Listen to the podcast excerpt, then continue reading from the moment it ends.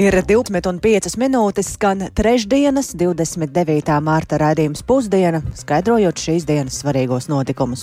Studijā Dācis Semenoviča, labdien!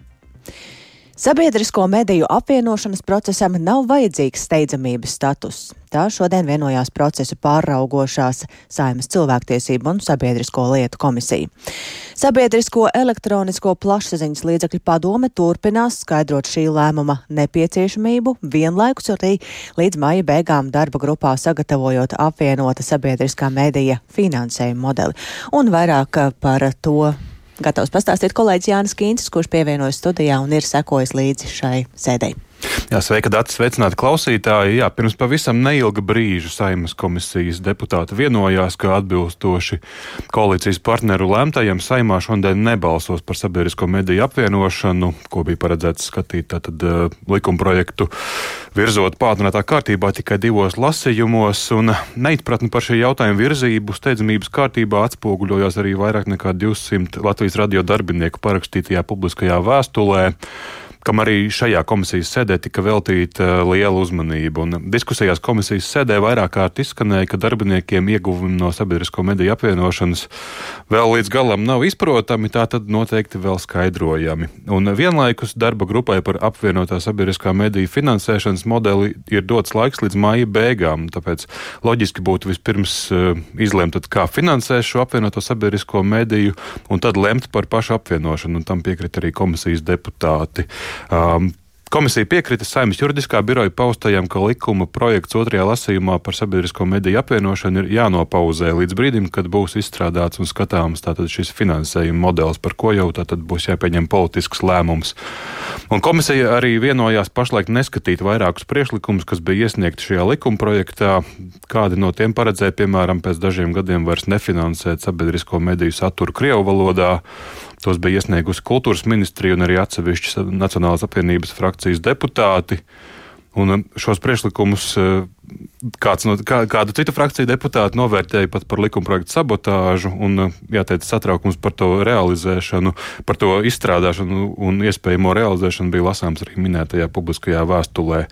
Tad diskusijas par šiem jautājumiem ilga vairāk nekā pusotru stundu, un par tām sīkāk arī izstāstīšu programmā pēcpusdienā, taču īsumā rezumējot skaidrs, ka sabiedrisko mediju apvienošanas procesam noņemot šo steidzamību, uh, plānotais termiņš nākamā gada 1. janvāris noteikti būs jāpārceļ vismaz par dažiem mēnešiem. Paldies Jānim Kīncim. Būtisks jautājums, kuram tātad, kā dzirdējām, sekosim līdzi un arī plašāk par to raidījumā pēcpusdienam. Mēs turpinām ar Ukrainu, un Ukraina nedrīkst pieļaut, ka Krievija sagrābi valsts austrumos esošo Bahmutas pilsētu, jo tas apdraudētu Ukrainas turpmākās pretošanās iespējas. Tā uzskata Ukrainas prezidents Valdimirs Zelenskis, kurš kārtējo reizi ir noraidījis viedokli, ka Ukrainas karaspēkam būtu izdevīgāk atkāpties no Bahmutas. Man studijā pievienojas kolēģis Uldis Čēsberis lai pastāstītu vairāk par kara pārņemto valsti. Sveiks, Uldi, un zinām, ka tātad galvenās cīņas frontē notiek Ukrainas austrumos. Kādas ir jaunākās ziņas no turienes? Jā, labdien! Kara darbības epicentrs joprojām ir Donetskas apgabala pilsēta Bahmuta, ko Krievijas spēki cenšas ieņemt jau vairāk nekā pusgadu. Un no Ukrainas bruņoto spēku ģenerālštāba ziņojumiem var secināt, ka Bahmutas aizstāvjiem eh, klājas ļoti smagi, jo pašlaik pilsētu cenšas ieņemt Krievijas karaspēka labākās vienības.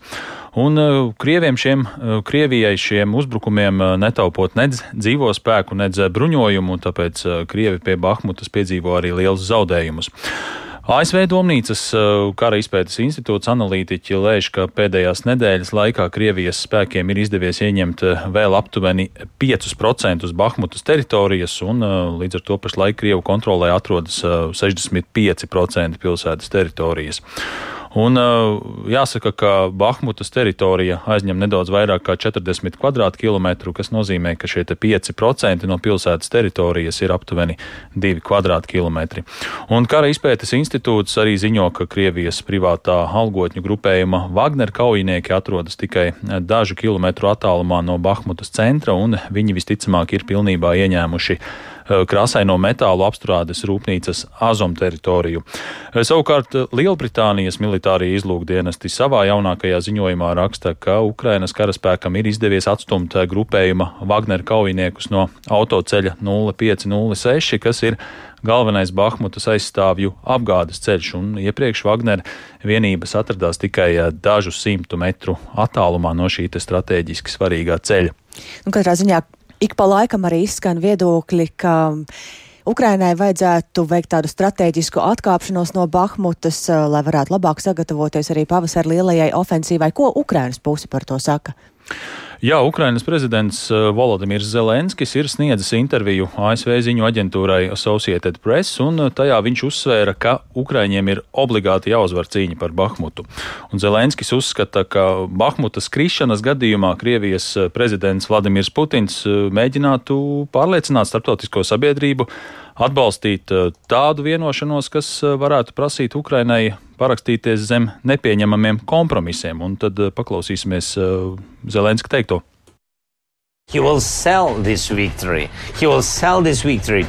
Viņš pārdos šo uzvaru. Viņš pārdos šo uzvaru rietumiem, Krievijas sabiedrībai, Ķīnai, Irānai un citām valstīm. Jā, un Zelenskis ir pārliecināts, ka jebkura sakāve var apdraudēt uh, Ukrainas pretošanās tempus, un viņš karu salīdzināja tā, nu, tā tēlāini izsakoties ar pīrāgu, kas sastāv no maziem uzvaru gabaliņiem, un viens no šādiem gabaliņiem Ukrainas uzvarā visā karā ir arī Bahmutas nosargāšana. Un Zelenskis šajā intervijā arī sacīja, ka Ukraina ir gatava uzņemt Ķīnas prezidentu Sīziņu Pīnu, kurš pēdējā laikā ir nu, demonstrējis tādu vēlmi būt par vidutāju starp Krieviju un Ukrainu. Taču Ukrainas prezidents atzina, ka kopš Krievijas pilna apmēra iebrukuma pirms gada viņam nav bijuši nekādi tieši kontakti ar Sīdziņu Pinu, kurš gan pirms pagājušā nedēļā notikušās vizītes Krievijā solīja, ka pēc brauciena uz Maskavu viņš vismaz telefoniski sazināsies ar Zelenski, bet nu, līdz šim tas nav noticis.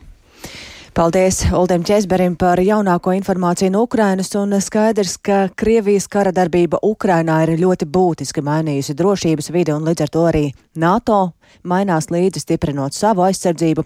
Tā šorīt programmā Labrīt kolēģei Dārai Zīlai sacīja Latvijas vēstnieks NATO Edgars Skuja. Un šodien ir Latvijas pievienošanās NATO 19. gada diena, un kā uzsver Skuja, Latvijas pievienošanās NATO ir svarīgākais, kas ir noticis mūsu valsts drošības jomā jaunāko laiku vēsturē. Un Skuja atzina, ka šis ir ļoti dinamisks laiks sarežģītā drošības vidē tiek sniegta gan palīdzība Ukrainai, gan domāts par savas teritorijas aizsardzību, gan arī par citiem virzieniem, kur arī NATO strādāja sadarbība ar partneriem. Tāpat tās pastāv citi apdraudējumi veidi - tehnoloģijās, kiberapdraudējumi, hibrīdiem.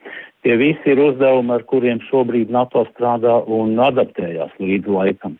Kā NATO uztver arī nesenos Putina paziņojumus izvietot atomieročus Baltkrievijā? Šis jau nav jauns stāsts par baidīšanu ar atomieročiem. Katrā ziņā no NATO amatpersonu teiktā tā ir bezatbildīga rīcība. Tanī pašā laikā, izvērtējot šo situāciju, nekas neliecina, ka mums būtu jāpārskata mūsu draudu izvērtējums vai jāveic kādi atbildes soļi no NATO puses atturēšanā. Šis paziņojums nerada mums vairāk draudus vai arī tā eventuālā ieroču izvietošana. Drauds ir pati Krievija ar savu uzvedību, ar savu militāro agresiju pret Ukrainu, ar tiem kara noziegumiem, ko Krievija veic Ukrainā tas ir lielākais šobrīd izaicinājums un drauds. Un ko NATO dara, tās spējas tiek ar vienu paaugstinātas, lai nodrošinātu tā saucamo atturēšanas politiku, lai nevienam pretiniekam nenāktu prātā kāda vēlme izaicināt un pārbaudīt NATO aizsardzību. Tā ir spēcīgākā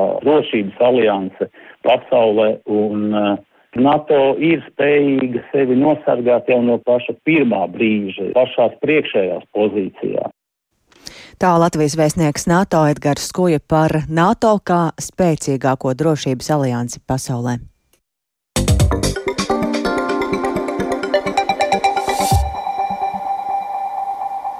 Un vēl viens stāsts mūsu programmā par to, ka, lai arī pēdējos trīs gados e-komercijas apjoms Latvijā ir bijis ar strauju, pieaugošu tendenci, tomēr pēdējos trīs mēnešos temps ir sācis nedaudz bremzēties. Linda Zalāna skaidro, vai e-komercijas izrāviens bija īslaicīgs pandēmijas laika uzplaiksnījums vai iepirkšanās internetā ir uz palikšanu. Ja pandēmijas laikā cilvēki piespiedu kārtā aizvien vairāk sāk izmantot e-komercijas iespējas, tad tagad šādu ārēju apstākļu nav.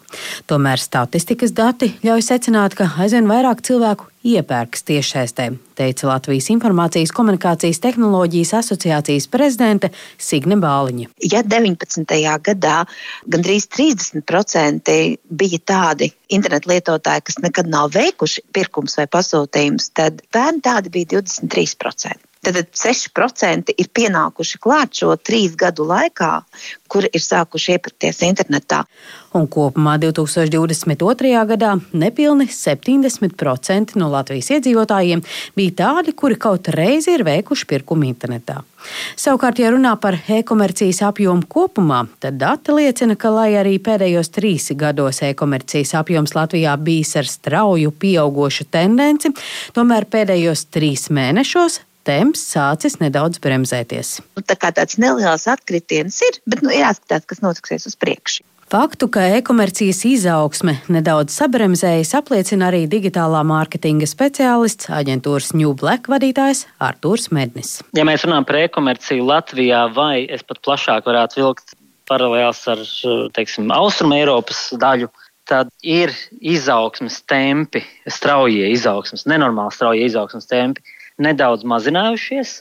Ja mēs runājam par visu nozari kopumā, tas nenozīmē, ka iz, eh, izaugsme nenotiek. Joprojām notiek, bet daudz mazāka nekā tas bija piemēram 21. gadā. 2021. gads iezīmējas ar neraksturīgi strauju e-komercijas izrāvienu. Ja mēs runājam par visām nozarēm kopumā, vidēji, ja, tad uh, Austrumē Eiropā tie bija 95% pieaugums Nu, tas gandrīz divas reizes, jā, pieaugums pret uh, 20. gadu, un, un tā izaugsme ir ļoti liela. Ja ņem vērā, ka vidēji katru gadu pasaulē pieaugums ir 8-9%, bet uh, jāņem vērā, ka ir nu, nozares, ja, kurās tas ir vairāk un kurās tas ir mazāk. Mednis skaidro, kādēļ tieši 2021. gadā e-komercija piedzīvoja tik strauju augšupeju, ja pandēmijas laika stimuli bija mitējušies notika tas, kas tāpat būtu noticis tikai tuvāko 5 līdz 10 gadu laikā. Proti, uzņēmumi daudz vairāk pievērsās e-komercijai, daudz vairāk investēja e-komercijā, un arī cilvēki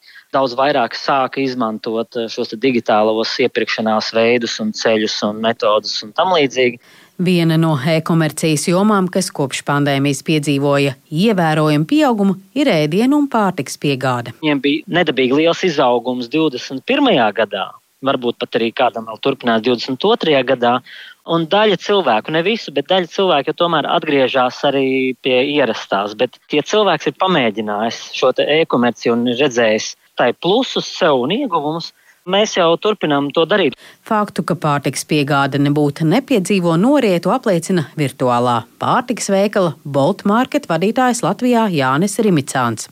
Uzņēmums Latvijā darbu sāka pirms diviem gadiem. Protams, pandēmija bija pozitīvs impulss šai straujai izaugsmē no sākuma, bet tas, ko mēs pat labi novērojam, noteikti mēs nenovērojam bremzēšanos. Arī pēc pandēmijas būtībā šo te apgrozījumu pieaugumu mēs būtībā saredzam ļoti bieži kā divciparu skaitli procentos, kas jebkuram biznesam, kurš jau sāk tā kā nu, nostabilizēties, kas ir ļoti, ļoti strauji pieaugums. Protams, tas arī ir arī saistīts ar to, ka mēs visu laiku izaugam un atveram jaunus piegājušus centrus.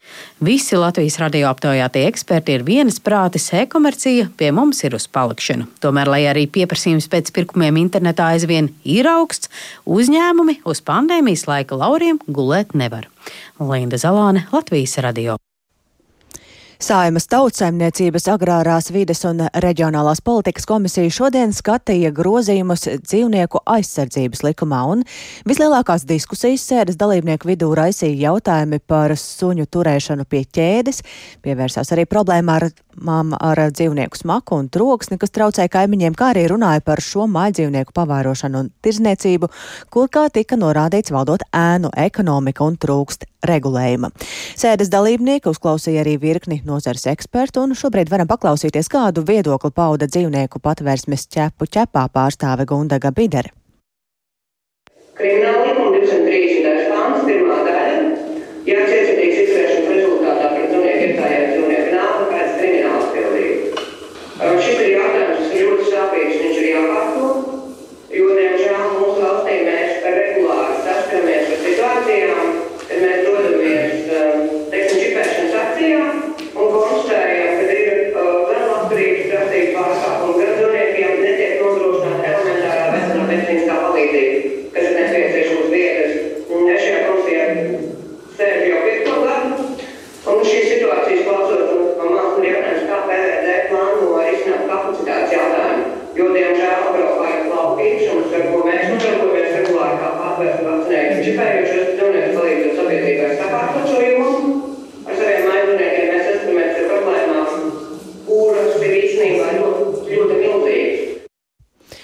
Es tikai piebildīšu, ka komisija šorīt nolēma likumprojektu virzīt tālāk, taču to skatīt pēc mēneša, kad būs apkopota visi ekspertu viedokli un vairāk par situāciju klausēties raidījumā pēcpusdiena.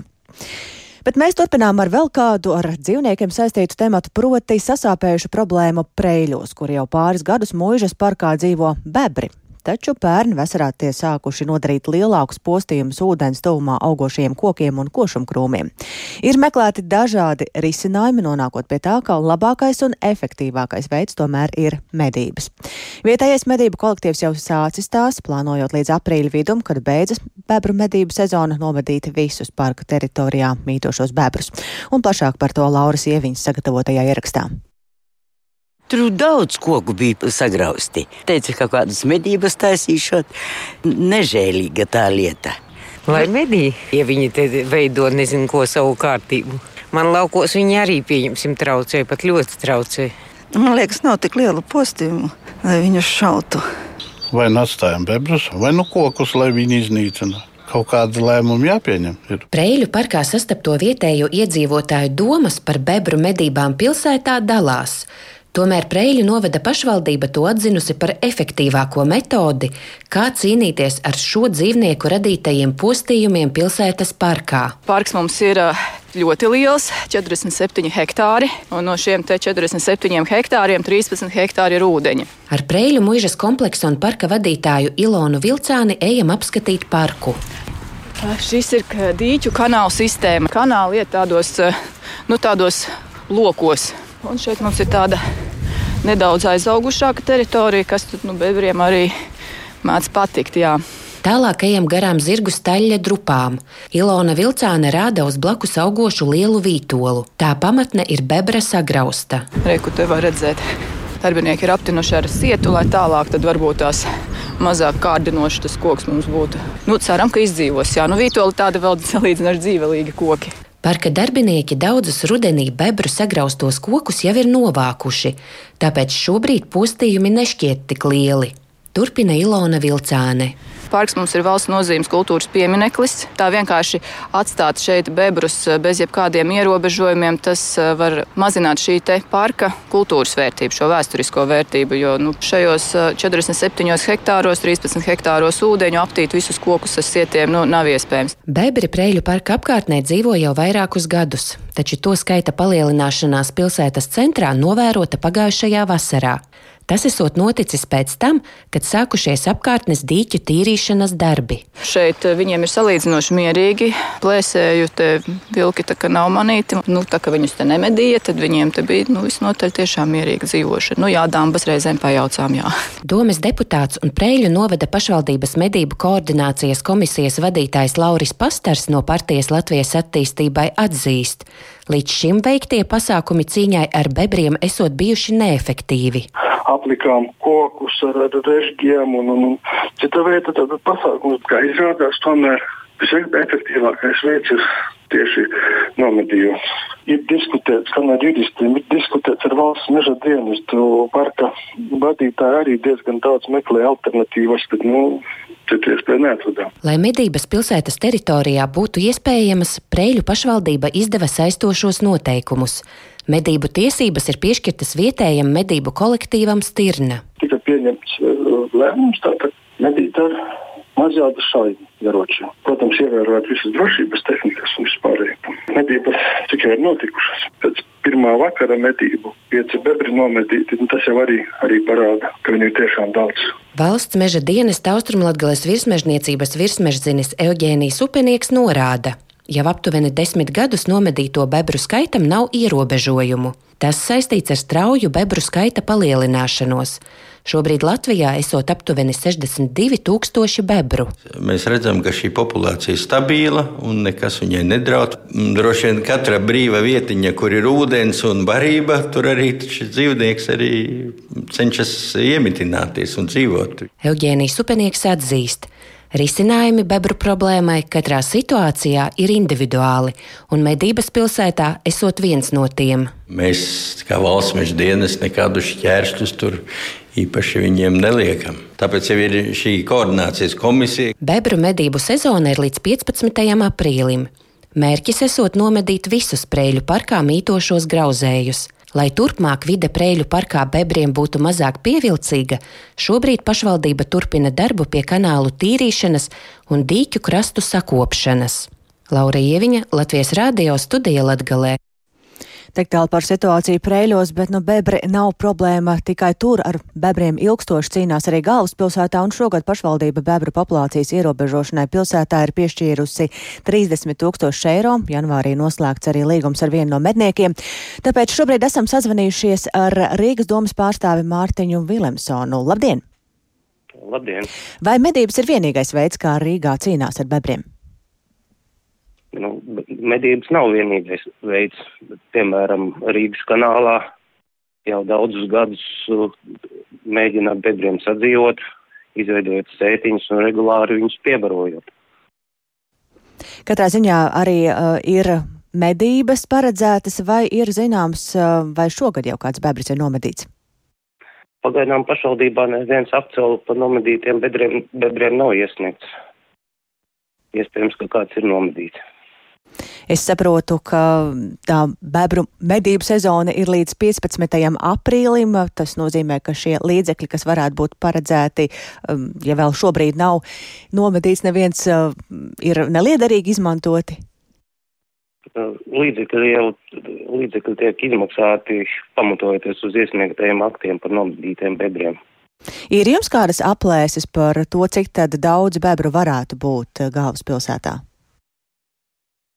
Konkrēti neviens bedrs nav saskaitījis. Tur ir variācijas no vairākiem simtiem līdz pat tūkstošiem.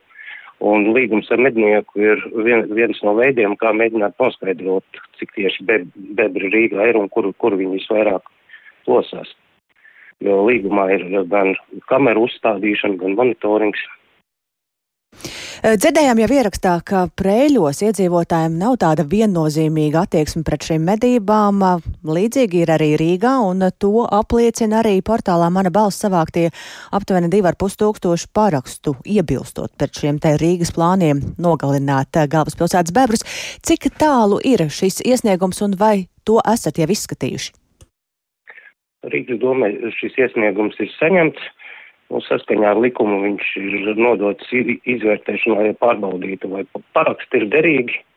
Un pēc tam tas, šis iesniegums tiks skatīts domas sēdē. Aptuveni, cik ilgā laikā tas varētu notikt, kad šis jautājums varētu nonākt līdz Rīgas domas sēdē?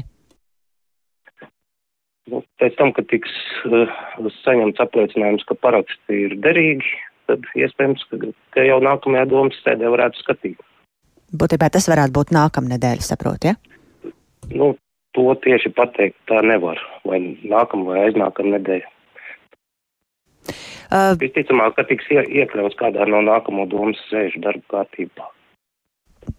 Jā, un vai ir kaut kādas konkrētas teritorijas, kur bebri nodara šobrīd vislielākos postījumus?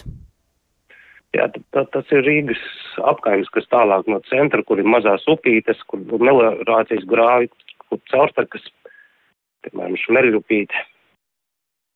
Diezgan daudz bebru nodara postījums. Jā, paldies! Sarunājāmies ar Rīgas domas pārstāvi Mārtiņu Vilimsonu par um, bebriem galvaspilsētā un cīņu ar tiem.